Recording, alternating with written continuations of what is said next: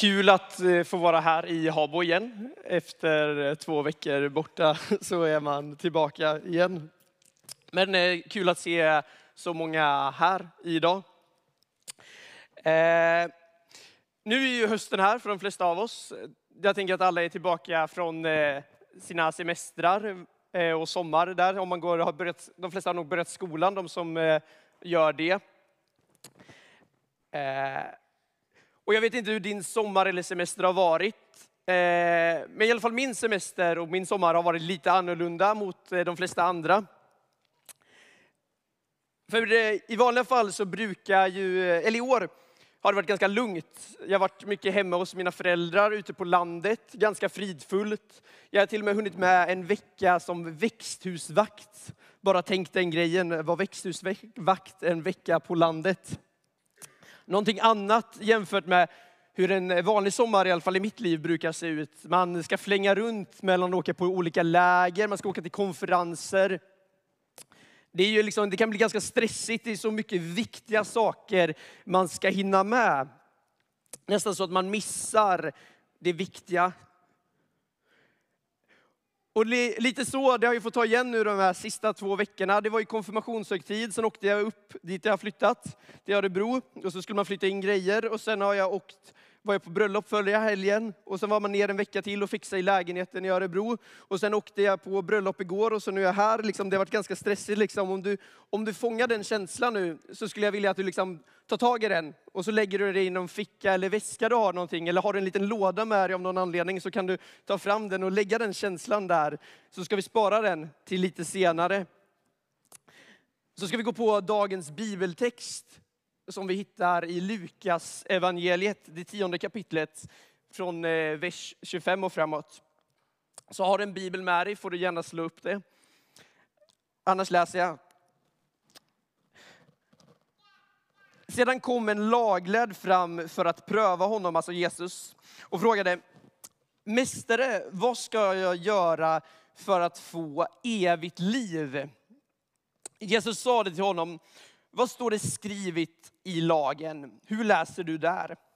Han svarade, du ska älska Herren din Gud av hela ditt hjärta, av hela din själ, av hela din kraft och av hela ditt förstånd. Och din nästa som dig själv. Jesus sa det till honom, du svarar rätt, gör det så får du leva. Då ville mannen visa, mannen rättfärda sig och fråga Jesus, vem är då min nästa? Jesus svarade, en man var på väg från Jerusalem ner till Jeriko och råkade ut för rövare. De slet av honom kläderna, misshandlade honom och sedan försvann de och lämnade honom där halvdöd. En präst råkade komma ner samma väg. Eh, när han fick se mannen gick han förbi. På samma sätt var det med en levit. Han kom till platsen, såg mannen och gick förbi. Men en samarier som var på resa kom också dit. Och när han såg mannen förbarmade han sig över honom. Han gick fram och hällde olja och vin i hans sår och förband dem. Sedan lyfte han upp honom på sin åsna, tog honom till ett värdshus och skötte om honom. Nästa dag tog han fram två denarer och gav till värdshusvärden och sade, sköt om honom och kostar det mer ska jag betala när jag kommer tillbaka. Vem av dessa tre tyckte du var den nästa för mannen som råkade ut för rövare? Han svarade, den som visade barmhärtighet mot honom. Då sade Jesus till honom, gå du och gör som han. Det är den här texten vi ska utgå ifrån. Och den stora kärnan är en liknelse. Och jag tänker att det finns några misstag man kan göra när vi börjar, när vi ser en liknelse i Bibeln. Det finns en, ett, ett stort misstag som jag tror många gör. Om man är van att gå i kyrkan, man kanske är uppvuxen. Den här är ju en ganska klassisk liknelse. Om man har varit på ett scoutläger eller i söndagsskolan har man sett ett drama. Man kanske till och med varit med i ett drama. Så man har den, den falska, det falska antagandet, jag vet vad det här handlar om. Men när Jesus berättar liknelser är det inte det som är poängen. Ett annat misstag man kan göra är att tänka att det här är en faktisk exakt historisk händelse som Jesus berättar. Det är inte, liksom han, det är inte så han pratade med sin vän som hade en vän som råkade ut för det här förra veckan och sen återberättade han det. Och det är inte, lika, det är inte heller bara någonting han hittar på, alltså helt utanför verkligheten på den här tiden. Utan han tar en vardagsnära händelse, någonting de som hörde det första gången kan relatera till. Det var vanligt med rövare på den här tiden längs vägarna. Det är liksom, man kände kanske någon som hade blivit utsatt för det. Men så gör han någonting intressant i det. I liknelsen så ställer han liksom, han kryddar den, han vinklar det lite liksom så man ska fatta poängen. Han ställer det lite på sin spets så han drar ut det åt extremer så man ska fatta huvudpoängen han vill få fram. Och med det sagt så ska vi gå in och titta lite på liknelsen, vad den handlar om. Men innan vi gör det så ska vi bara förstå var den kommer ifrån. En lagledd, någon som alltså läst den hebreiska bibeln, det vi kallar gamla testamentet, som hade alla buden liksom. Han, fråga, han ville först testa Jesus. Hur får jag evigt liv? Och han frågar vad står det skrivet? Och han ger ett bra svar tycker Jesus. Och det är som att han först vill han pröva honom, sen blir han liksom berörd av det Jesus säger. Och så vill han ställa en seriös motfråga då. Men vem är min nästa då? Och för att svara på det så plockar Jesus fram den här liknelsen, den här vardagsnära situationen som man sen vinklar lite för att vi ska fatta poängen. Det är en man som blir överfallen. Och sen här finns det tre andra karaktärer som beter sig på ett sätt. Och det är det vi ska titta på. De beter sig olika. Och vad är det som händer egentligen? Den första, det är en präst. Och när du tänker präst, jag vet inte, när jag tänker på en präst, då tänker jag på en sån här du vet, svensk kyrklig präst. Man har en sån här präst, krage på sig och så har man någon så här stor kåpa och någon så här, jag vet inte, jag kommer inte på vad alla de här, det heter ståle, något så här, ja, mässkrage, alltså det är sådana massa skumma kläder, lite, alltså det, ja, oj, där går det ut live.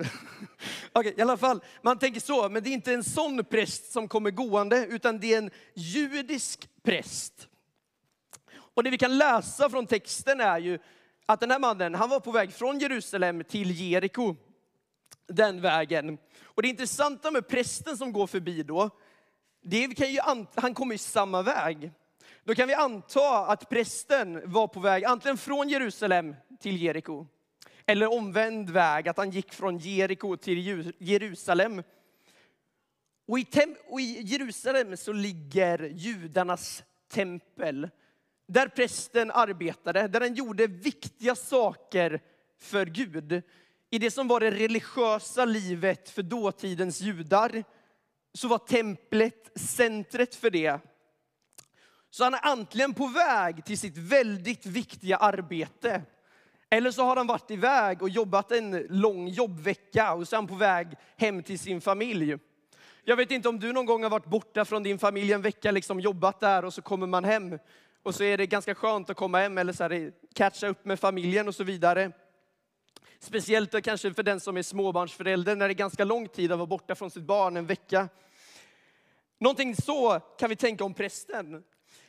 Det är också värt att notera att mannen ligger där halvdöd. Vi kan anta att han är blodig, misshandlad ganska brutalt. Och om man rör någon som är blodig så blir man oren. Det blir liksom jobbigt för prästen för att då liksom, han vet det. Han fattar liksom vad, han fattar det. Jag kan inte, om jag blir oren då kan jag inte gå och jobba i templet. Eller så blir det jobbigt liksom när jag kommer hem. Likaså med leviten som kommer förbi. Leviten är ju den andra folket som jobbade i templet. De som inte var präster utan skötte musik och annat. Det är liksom samma typ av kille som går förbi. Och vi kan anta att han är antingen på väg till templet eller på väg hem. Så hans reaktion är nog ungefär som man kan tänka prästen. Liksom. Nej, jag har inte tid för det här. Så går han vidare. Han är lite stressad, men vem är inte det, tänker jag, i vårt samhälle i alla fall. Och så nu är det Jesus gör någonting väldigt intressant i den liknelsen han berättar. Han plockar in en samarier. Och jag vet inte hur bra vi har koll, om vi har koll på vad en samarie är där. Men har du någon gång ogillat någon person? Det kanske är någon i din skola eller på ditt jobb som varit dryg. Alltså det kanske är typ om du håller på ett fotbollslag så har du dina, ditt derby, de du inte gillar. Har du den känslan med dig så kan du skruva upp den typ hundra gånger. När han säger att en samarier kommer så kan man ju nästan tänka sig att första åhörarna borde tänka, ja, ska han komma och spotta och sparka på den slagne mannen? Liksom? För så dålig relation var det mellan judar och samarier. Men det är inte det samarien gör. Han tar sig tid, han stannar sin resa, för han är också busy som de andra. Han är upptagen, han är på resa. Men han stannar, visar mannen barmhärtighet, tar av sin tid, förbinder hans sår, för honom till ett härberge och säger, betalar för hans, liksom så att han ska få omvårdnad och kunna bli bättre. Och sen går han vidare. Och så ställer Jesus frågan, vem, liksom för att sammanfatta det, vem av dem tyckte du var den andres nästa? Och så svarar han, den som visade honom barmhärtighet. Och så fångar Jesus upp det och säger, sätter det som exempel det samaren gjorde. Gå du och gör som han. Och det är det jag tänker vi ska liksom, det är det här som är tillämpningen på den här liknelsen. Det är inte bara någonting vi läser och så går vi vidare, utan det är någonting Gud, jag tror Gud vill säga till oss idag i den här liknelsen.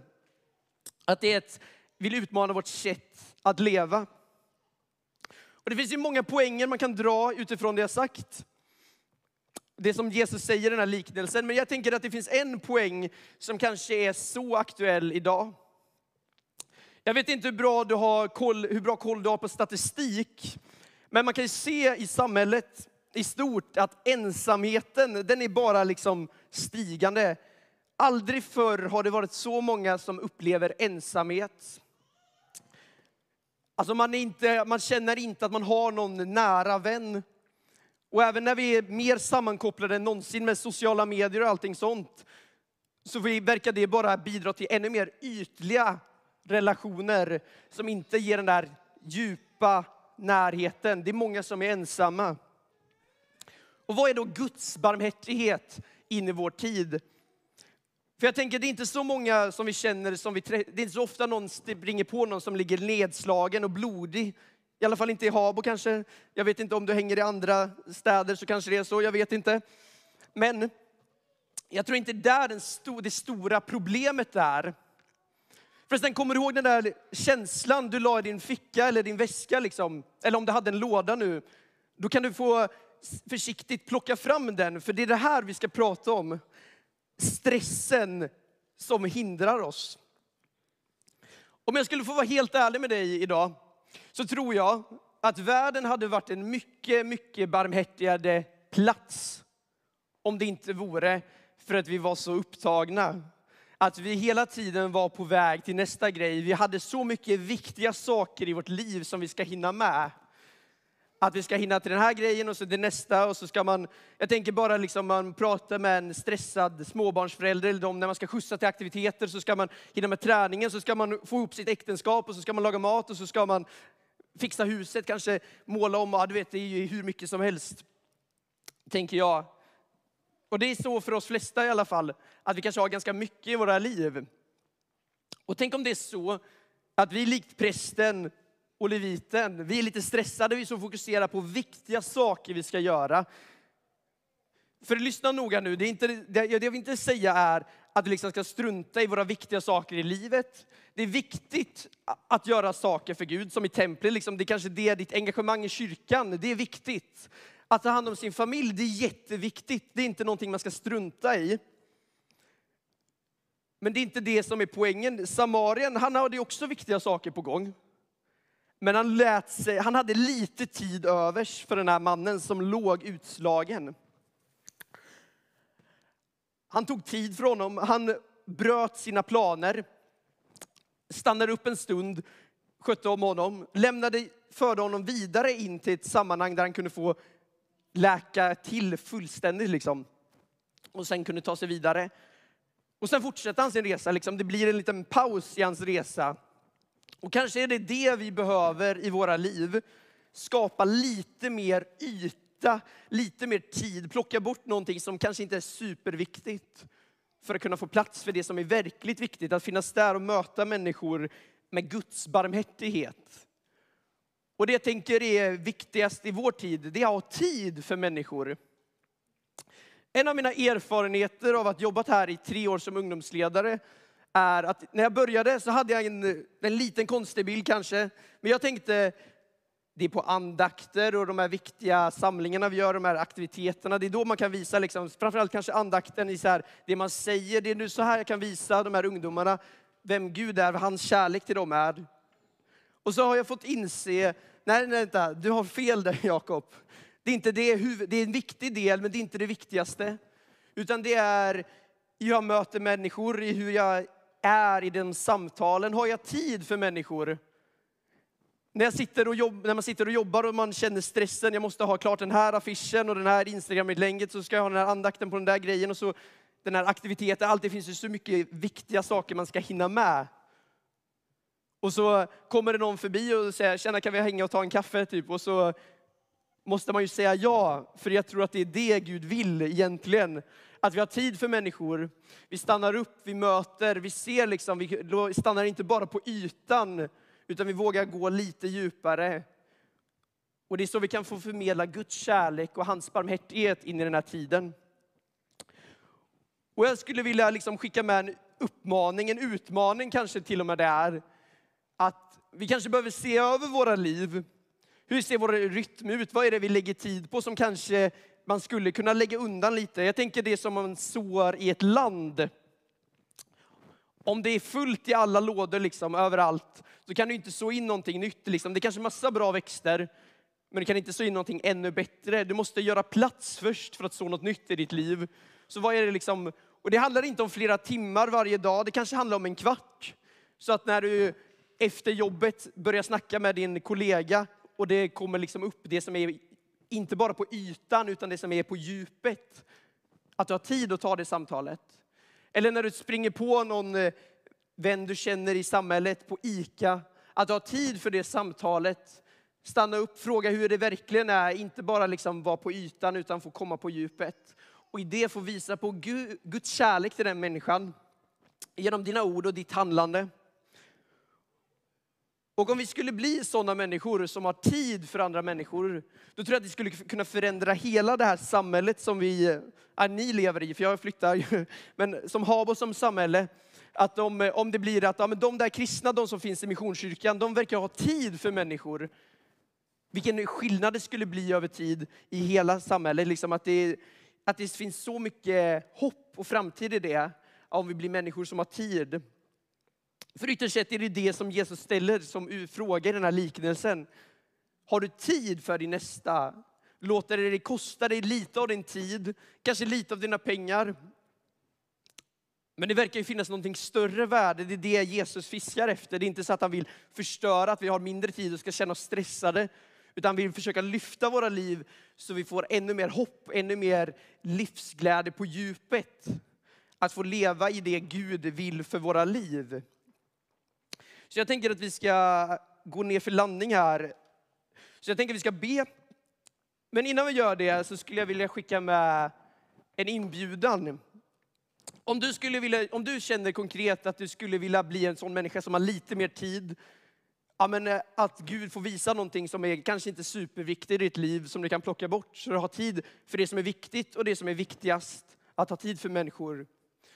Ja, men då tänker jag att vi kan, alla kan få blunda och så kan man få, om du känner igen det och vill det, så kan du få konkret liksom, få lägga en hand på ditt hjärta som en symbol för det. Och det är inte någonting liksom så här, det är inget magiskt i det, utan det är mer konkret så här, jag vill säga det här inför Gud idag, att jag vill ha lite mer tid. Jag skulle vilja också bara på, också inbjuda dig som känner så här, att jag skulle vilja ha mer, få, återigen få uppleva lite mer av Guds kärlek i mitt liv, liksom, för det är det som är grunden. Alltså, det, det som man säger först där, alltså, älska Gud av hela ditt hjärta. Liksom. Du börjar med att Gud älskar dig. Liksom. Man kan sammanfatta det, älska Gud av allt det är. För att Gud älskar dig redan. Att få påminnas om Guds kärlek, få smaka det lite mer i ditt liv. Då skulle jag också inbjuda dig att du kanske får också lägga din hand där. Så, eh, så får det vara som ett tydligt, en tydlig symbol att få, du vill ha mer av Guds kärlek i ditt liv. Så jag tänker att vi alla kan få blund, sluta våra ögon. Och du som vill får lägga din hand om du vill ha mer av det i ditt liv, så tänker jag att vi ber. Ja, Jesus, tack för den här stunden. Jag tackar dig för det du vill säga till oss i den här liknelsen, att du vill hjälpa oss att bli människor som har tid för andra. Har tid att visa på din kärlek, visa på din barmhärtighet. Och jag ber bara för alla som vill ha mer av det just nu, att de ska få uppleva det, att de ska, du visar dem vad de kan få plocka bort som inte är så viktigt, så de får plats för det som är verkligt viktigt.